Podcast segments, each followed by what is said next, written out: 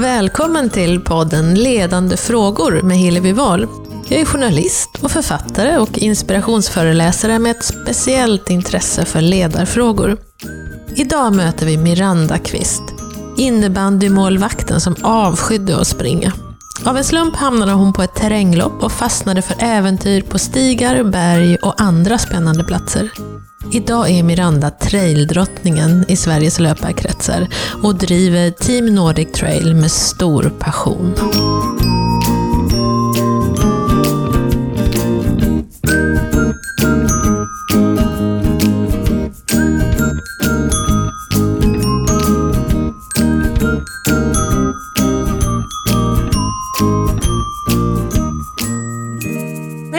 Miranda så är det ju att du liksom bara virvlar in på ställen med du vet, endorfiner och glädje och, och kärlek och, och, så, och så får du alla hänga med in i den här virvelvinden som är Miranda och alla säger ja.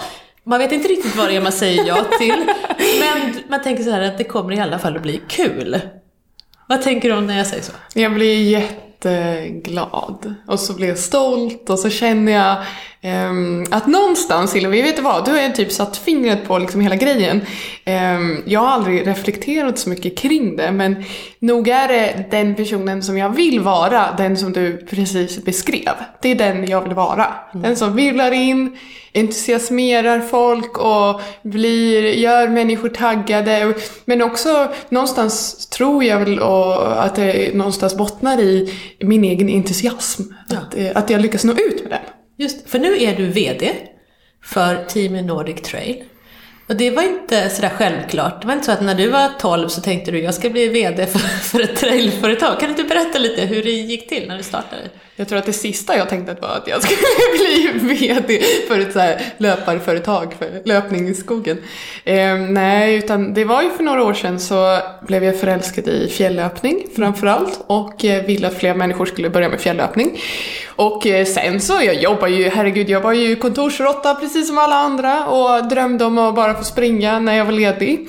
Eh, och jag startade en löpargrupp som hette Team Nordic Trail. Och det var verkligen det det var. Det var liksom en löpargrupp. Det var inte, jag hade inga långtgående planer om att jag en dag skulle, ja men du vet, eh, som idag där man driver liksom resebyrå och har eh, träningsgrupper i 30 olika orter och vi ska lansera i Finland nu. Och, alltså det fanns inte på världskartan. Men idag så har det, det har ju varit en jätteresa. Men det har ju varit några år också. Ja. ja, alltså det är passionen som har drivit dig hela vägen, eller?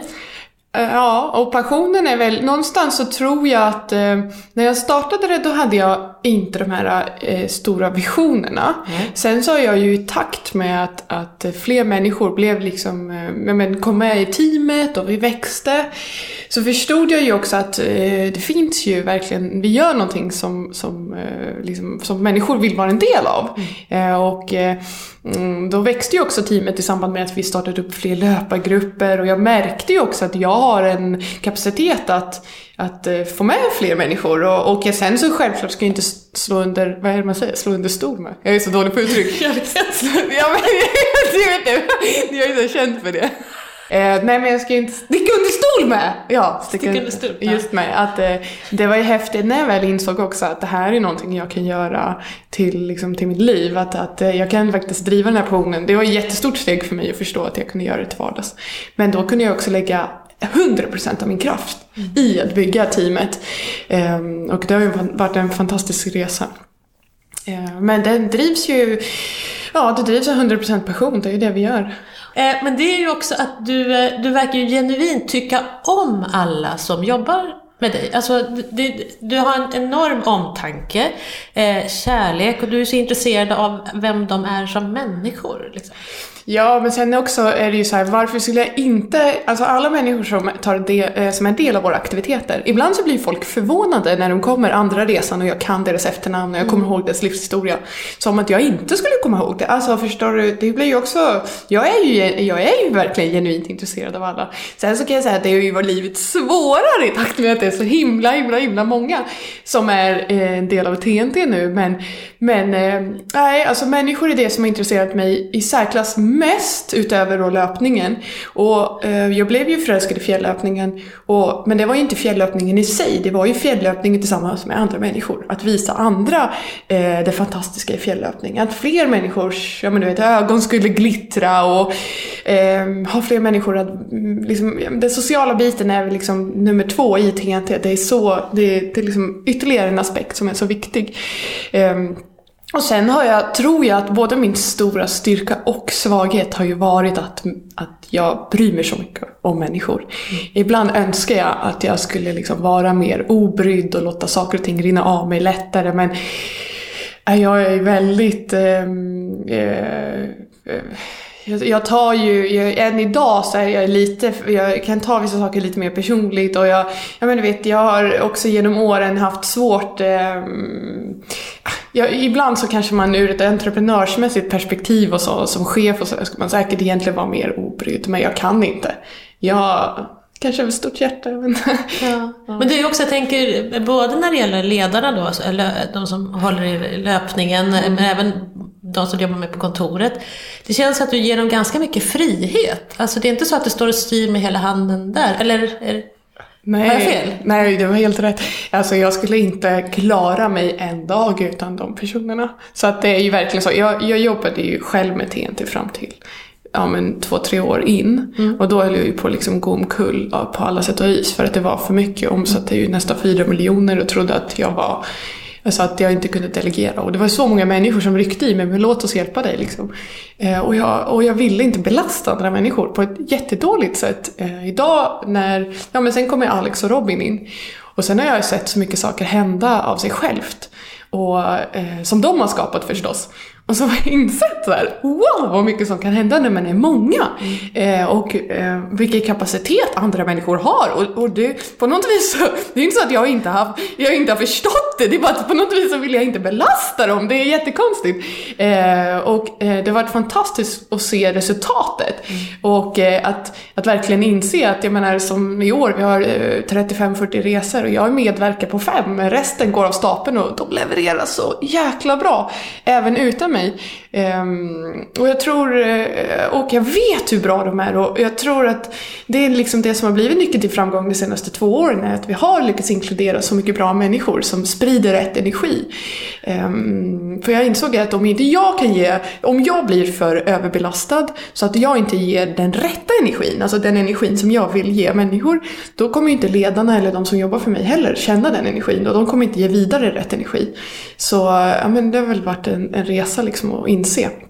Men nu när jag liksom kan vara balanserad och lyckas ge rätt energi till alla, då ja, det bara följer i alla leden. Det är så häftigt att se.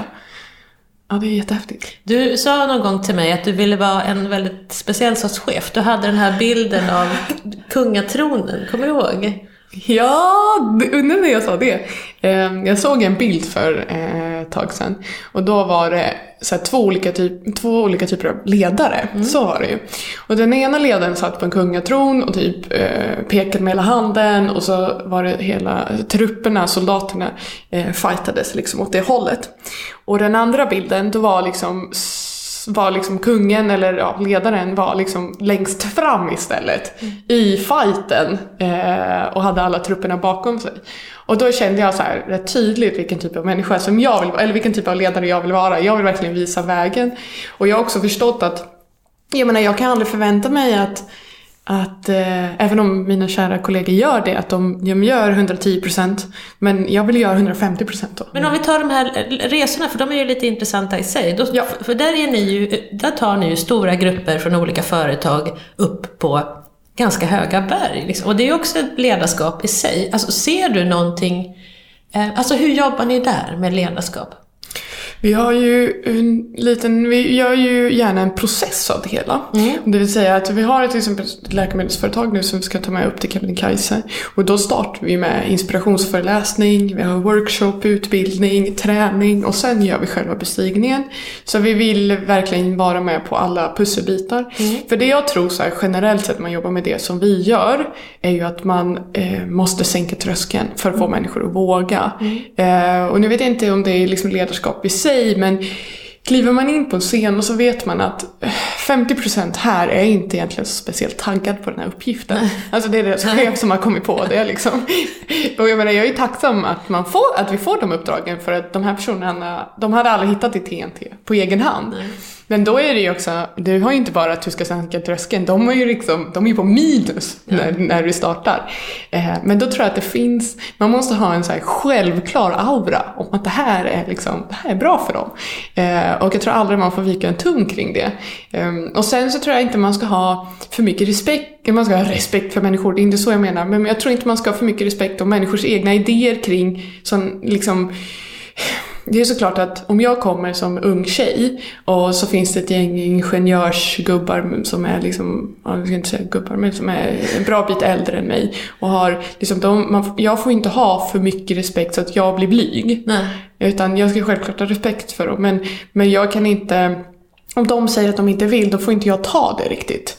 Eh, om jag ska coacha dem. Hur gör du då, då med dem? Nej, men jag är så självklar. Så att det är liksom inget, det är ju en självklarhet. Självklart ska han träna med mig. Och jag gör, jag, jag tror att det har varit min framgångssaga lite grann att jag, jag men då tar jag dem helt enkelt. eh, eh, Om det är en funktionellt styrkepass eller liknande och det är någon balansövning. men Då gör jag självklart eh, balansövningen tillsammans med den personen som är svårast. Alltså det är den personen jag liksom siktar in mig på. Och om jag vet att någon är lite mer, kanske inte positiv till någon resa eller något. Då är det den personen jag alltid pinpointar. Eh, och skrattar med och är liksom mitt bästa jag med. Och sen är de ganska övertygande. Men, men det här är alltså Ja. exempel eh, från grupper som, där det är företagsresor då. Just det. Och hur är det sen då när de faktiskt klarar av det där som de aldrig trodde att de skulle klara av? Det är, för det första är det 100% att de klarar det. Ja. Och sen så är det, jag tror oftast att resultatet är då ännu mer liksom överväldigande. Att de klarar sådana saker som de inte trott sig klara av. Liksom. Och jag menar, vi har ju haft människor som är nästan 70 år gamla som har tagit sig upp på eh, Kebnekaise. Och det är ju fantastiskt att se. Men även kvinnor som kanske aldrig trodde att de skulle kunna springa, som har klarat att springa Jämtlandstriangeln eh, tre dagar i rad och springa 47 kilometer totalt. Eh, och liksom verkligen över, liksom vunnit sina demoner framförallt. Men, eh, men jag tror att det är, det, det är då vi står där, eh, redo att på något vis, eh, boxe, inte boxera dem, men ta med dem ut på ett äventyr och se till att det är säkert och se till att de klarar av det och känner sig trygga. Men framförallt boosta liksom deras självför, självförtroende så att de känner sig komfortabla och kan genomföra äventyret. Men har du alltid varit så självklar som du säger nu? Alltså har du, jag tänker på din familj, en ganska härlig, eh, liksom färgsprakande familj. Du har två syskon, va? eller har du fler? Två syskon. Två syskon eh, och en jättehärlig mamma som jag har träffat en hel del och en pappa som jag inte har träffat så mycket men som också verkar vara rätt färgstark. eh, och, och är det så att det, att det har kommit självklart i er familj eller är det här en självklarhet från dig? Eller hur tänker du kring det där, att vara så självklar? Nej men det tror jag är en, eh, en process faktiskt. Jag har tänkt på lite grann, jag håller ju på att skriva en bok. Du ja, vet det ju allt också. vad det är om att skriva en bok. Eh, och då har jag ju, jag har ju kontinuerligt under alldeles för många år utsatt mig för så här, lite obekväma saker, obekväma uppgifter. Eh, och allt från att som 20-åring eh, skaffa mig jobb i Italien, det skulle vara kringresande säljare. Alltså att träffa människor i så olika sammanhang där jag inte egentligen är jättetrygg. Och sen började jag föreläsa när jag var 24 och stå på scener bland massa människor. Och, men jag ska föreläsa på onsdag, jag känner mig lite nervös inför det. Men det är nästan kontinuerligt alltid göra saker där jag känner mig lite nervös.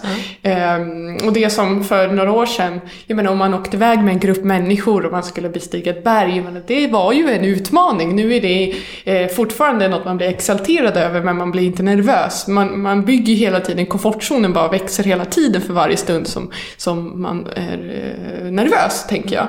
Eh, och eh, nej men så självklart, alltså för tio år sedan när jag var 19 bast, alltså nej, jag var definitivt inte lika trygg. Men att flytta till Italien och att söka sig till utbildningar Ehm, som där, där alla är tio år äldre. Så det har varit kontinuerligt en hel del saker. Så idag, idag känner jag mig väldigt så här, säker och trygg och jag vet vad jag går för och jag har ett ganska bra självförtroende.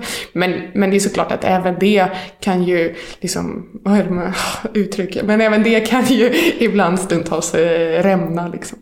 Men om du tänker på det nu när du går igenom det här med bok. Böcker är ju bra på det viset, man verkligen får gå ner i Ja. detaljnivå. eh, och när du ser tillbaka då, vad, när, ser du, när är du som bäst som chef? Ehm, jag tror att eh, när vi har till exempel uppstart för våra löpargrupper, då är vi eh, ett gäng nu. Jag kommer ihåg första gången jag åkte till en uppstart, då hade jag liksom packat med en beachflagga över e-, ena axeln och så var jag så här helt nervös och så hade jag typ visselpipor till ledarna. Om jag åkte till Malmö eller någonting och så här, här får ni ledarvästar och visselpipor och ha kul. Jag hade ingen koll på vad jag gjorde alls. Men idag så har vi ledarutbildning och ledarintroduktion och vi har liksom 150 ledare och Robin styr upp det där utmärkt. Eh, men idag när vi åker på en uppstart, då är vi Alltså då är vi ett sånt jäkla bra team. Och alla vet exakt vem som smäller upp tälten, vem som gör det inför. Eh, och, och sen när jag då får, det här är ju väldigt tacksamt för mina kära kollegor. Men sen får jag ju förmånen att få ställa mig där och hälsa alla välkomna. Och jag ju- som har gjort den där resan och sett vilken skillnad det är och kommer ihåg hur liten jag var första gången jag gjorde det. Och nu fem år senare hur, liksom hur häftigt det är att se det. Då är jag nog som bäst. För då tror jag att man verkligen kan se eller jag föreställer mig i alla fall att man kan se hur det liksom strålar ur ögonen på mig lite grann. Och det är den känslan jag vill förmedla. Men då är jag också väldigt noggrann med att liksom verkligen lyfta fram alla andra i, som är med i det här. Och då tror jag, eller hoppas att jag är en bra förebild och chef. Eller vad det är. Men när är du som sämst då, som chef tror du? Åh, nu är jag stressad. Men jag jobbar ju verkligen, jag försöker verkligen jobba på det där. Jag har ju väldigt kapabla människor runt omkring mig men jag är ju fortfarande dålig på att delegera stundtals och då tar jag på mig för mycket och sen när man har för mycket på sig då kastar man över saker istället utan att vara tydlig. Men eh, vi blir bättre hela tiden. Vi är en liten organisation. och vi jobbar tillsammans. Man ska ju ha lite respekt för det. Vi har ju igång nästan bara, alltså bara i, eller bara liksom i landet så har vi ju 30-40 aktiviteter som pågår varje vecka. Och sen när man lägger till alla resor som rullar kontinuerligt. Vi, och sen är vi fortfarande bara eh, tre heltidare och nu har jag precis anställt två halvtidare. Så att det är ju inte några, vi är inte extremt många i resurserna liksom. Nej. Men, för det var ett steg för dig när du fick anställda. Det var men en sak att vara egen entreprenör, eller rantreprenör. Rantreprenör, ja. men, men det här med att få anställda, tyckte du att du förändrades av det? Att det blev det mer långsiktigt tänkande då på något sätt, eller hur? Vill du veta en hemlighet, Hillevi? Ja, Det hemskt är gärna. först det senaste, jag tror att det är först 2017 som jag förstår att jag har det. Jaha. Alltså jag har knappt förstått det innan. Nu har jag nästan så kommit in i den här fasen att jag verkligen kan se mig själv som entreprenör. När jag har eh, ett gäng anställda. Det, vi omsatte ju nästan 5,5 miljoner förra året. Och då kände jag så här, ja, det är som ett riktigt, det är ett riktigt företag. Det är riktigt jobb. Ja, det, ja men verkligen. Jag kommer ihåg fortfarande så hösten 2012 när jag gick en, så här, en hälsoentreprenörskurs. Och det pratades om att kunna livnära sig på sin passion. Och då var, kändes det fortfarande så oändligt stort och svårt och omöjligt. Och eh, det har nog tagit några år för mig att förstå att den resan är, liksom, har gått. Eller liksom pågår men också liksom verkligen har kommit över till en ny nivå där andra människor även kan livnära sig på, på min passion på något sätt. Ehm, så att, eh, men det, jag tycker att det är fantastiskt. Sen är det verkligen inte enkelt alltid. Och man vill så mycket. Ehm, och man vill så, vi, nu håller jag på att planera en teambuilding för alla TNT, eh, alla vi som jobbar på TNT i, på Kebnekaise under midsommar. Och jag menar sånt är ju svincoolt att kunna göra. Det är jättehäftigt. Och jag, men jag be, begär, jag menar sånt, och det låter jättelyxigt men alla som jobbar för TNT är ju också, de lägger ju själ och hjärta och ibland så självklart så kräv, krävs ju det här, det här jobbet kräver ju mer än vad ett normalt jobb gör många gånger.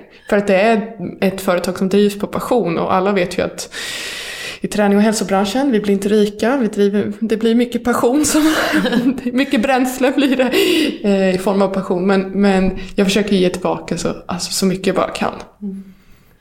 Eh, någon sa att det är ganska svårt att vara ung tjej i hälso och träningsbranschen. Är det så?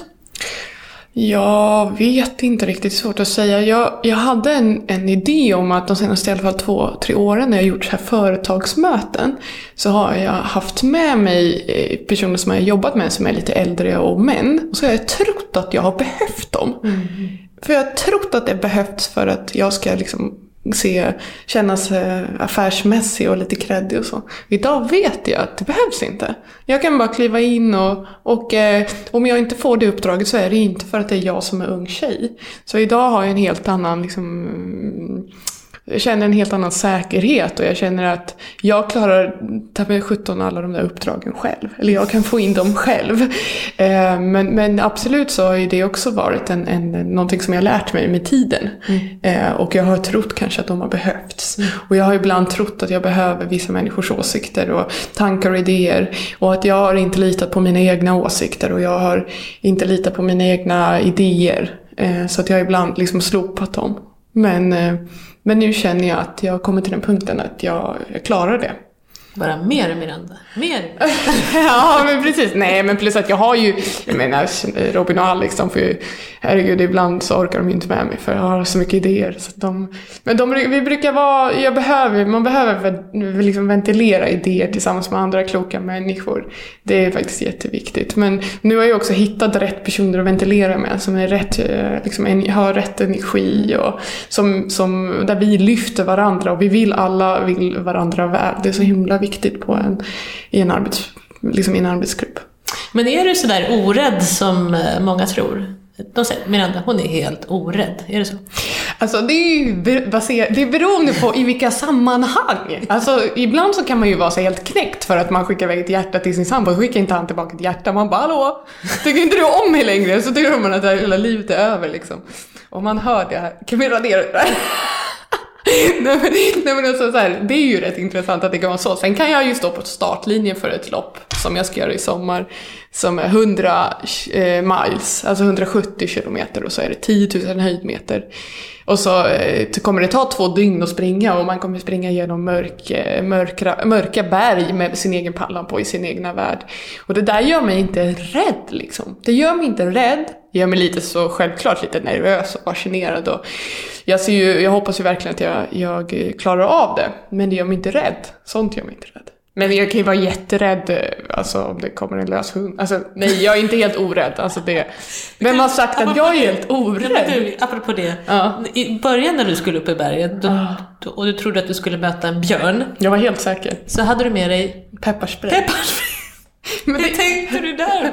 Hillevi, jag, jag upplevde fjällen första gången 2012. Jag hade ingen aning. Och jag skulle på en egen fjälltur. Jag hade ju bara sprungit på fjällen tillsammans med några kompisar. Och så skulle vi, ja just det, så skulle vi ju gå och fota oss lite in. Ja just det, det här var samma kväll som jag, dagen innan skulle vi springa ett lopp i fjällen. Så kom jag dit torsdag kväll eller vad, vad det var. Så gick vi ut för att vi skulle fota oss där. Och så var jag konstant så helt nervös för jag tittade bakåt hela tiden. Tänk, tänk när björnen kommer, tänk om det kommer en björn. Jag var, helt, jag var så nervös nervös. Och sen så sprang jag på en egen fjälltur och så tänkte jag, men tänk, om det kommer en björn så måste jag ta med, ja, så tog jag med mig pepparspray. Det där är ju en väldigt bra historia idag. Att jag var så rädd. Ja, och jag, jag är fortfarande helt fascinerad över... Att jag tänkte att, att en pepparspray ja, skulle, skulle hjälpa. Ja, mot en björn. Ja. Eh, som hur nära skulle du stå? Liksom? Men jag kommer ihåg där, alltså jag var ju... Jag är inte världens kaxigaste människa. Jag tror att jag såg ensamrenar och fick för mig att de kunde attackera mig också. Så jag stod och gömde mig liksom bakom en sten. Alltså det... Ja, men man, alltså allting är ju en hur var det vi sa? Allt är en process, man lär sig. Nej men idag, faktum är att jag tror att det inte är helt dumt. Idag så får vi ju fortfarande mail från människor som undrar om de ska liksom vara rädda för björn. Mm. Eh, och eh, när de åker på fjällöparläger, vilket jag vet att de inte behöver vara och jag skriver det till dem självklart. Men man får ju ha lite respekt för att alla har ju inte vuxit upp på fjället. Nej. Du ja. har storstadsmänniskans, asfaltnötarens perspektiv. Så det är ju en fördel också, eller hur? När du ska prata med de här människorna från storstäderna som aldrig har varit utanför Tensta. Exakt, och jag märker jättetydlig skillnad när jag pratar med jämtar eller alltså alla möjliga eh, kära vänner från Norrland. De har inte samma, de har inte alls samma perspektiv. Och jag menar när jag är rädd för lavinfara, de, de har en helt annan bild.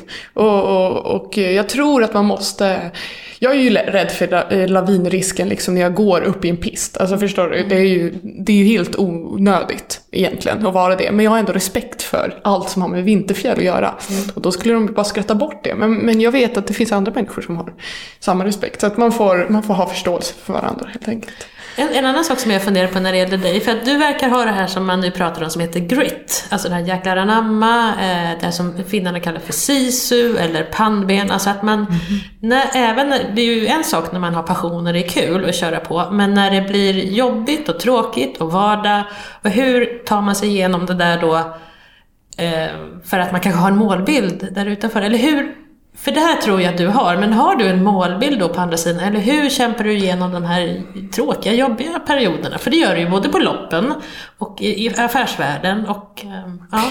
Det är svårt, jag har egentligen sällan så svå, äh, tråkiga perioder i mitt liv. Jag har snarare extremt hektiska perioder. Och som nu när jag kollar min kalender och kan känna en viss nervositet över hur jag överhuvudtaget ska liksom ro allting i land till nästa höst. Mm. Um, då kan jag bli lite, och det är en kombination av dels de här fysiska strapatserna och hur jag ska träna inför dem. Det, är, det handlar om att, eh, som i det här fallet, när jag, att det här är en helt annan historia som du inte har hört än, men jag har ju skaffat mig en stor lokal som ska bli ett aktivitetscenter. Sen är det bok som ska ut, vi har massa resor, jag har nyanställda. Alltså det är, det är så mycket saker så att det är, för varje år så, så lägger jag ännu, ännu fler saker i vågskålen och så varje höst så bara wow, jag klarade det, det i år igen. Och så varje år så så tänker jag, men lite lugnare nästa år så blir det inte så. Eh, men jag, ehm, jag tror att eh, min styrka är att jag slutar fasiken aldrig jobba. Alltså oavsett om jag är mm, ultralöpare och ute och springer på berget så vet jag att så, här, så länge jag tar ett steg till så kommer jag alltid i mål. Det går kanske aldrig snabbt. Ehm, och jag menar, om jag inte kan springa så kanske jag går. Men så länge jag går fram, så länge det är ett steg till så går jag alltid i mål. Och det är så jag tänker med TNT. Sen har jag ju också vid något tillfälle här lärt mig mm, till viss del också prioritering. Mm. och det finns mycket människor som drar igen och nu har jag väl Fortfarande säger jag ja lite för ofta, men jag har lärt mig att börja säga nej till och med. Eh, och det är ju en bra styrka. Men, men jag kan säga att om det krävs att jag sitter till 02, men då får jag sätta, sitta till 02. Men sen har jag också lärt mig att jag behöver träna. Och så länge jag kan träna så är jag liksom oövervinnelig i övriga. Du menar fysisk träning? Exakt, mm, mm. för jag får alltid energi av att träna. Mm. Så tyvärr tror jag att många skalar bort träningen det första man gör när man blir stressad. Mm. Och så sitter man kanske på kontoret och, och, blir tokig. Och då fortsätter jag träna. Så länge jag kan träna så kan jag fungera som människa. Och sen vet jag också att jag klarar väldigt mycket. Eh, jag kan hantera otroligt mycket saker. Eh, men även jag eh, når ju en, en, liksom en nivå där det liksom kan bli för mycket.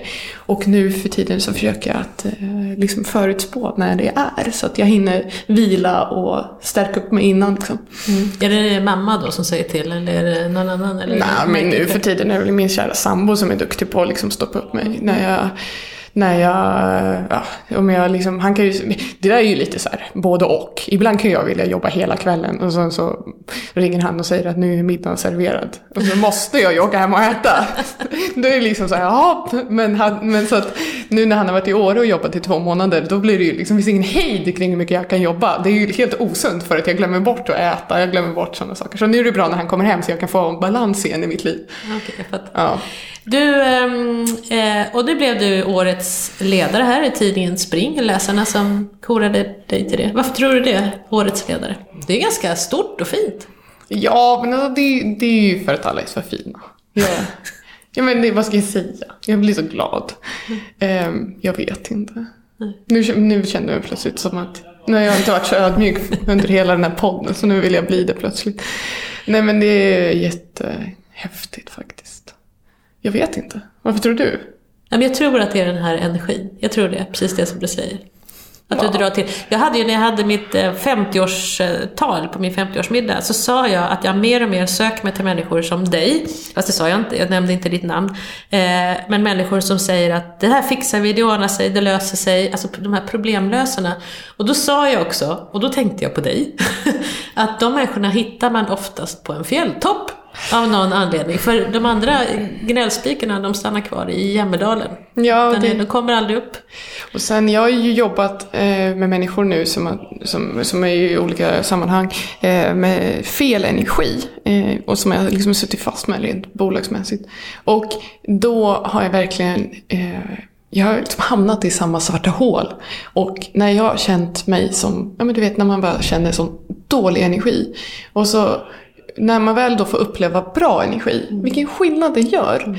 Och eh, nu är jag inne i det här spåret att nu har jag liksom lämnat de här svarta hålen och den här dåliga energin och människor som tar min energi, förstör min energi. Så nu är jag så här, jag är så jäkla mån om att det är den positiva energin som måste spridas.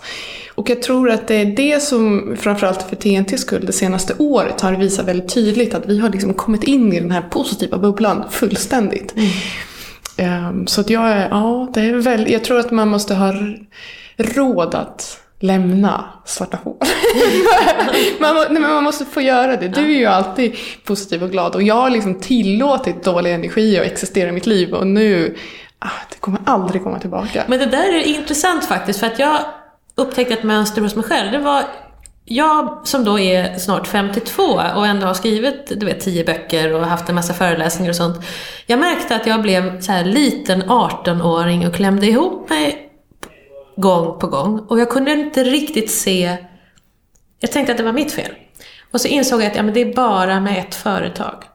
Mm. Och nu har det hänt tre gånger och precis som ja. du säger, dålig känsla. Och då tänker jag, men då kanske det inte är mig. Nej. Då såg jag plötsligt mönstret efter tre gånger. Men det är så intressant hur man oftast tar det på sig själv först.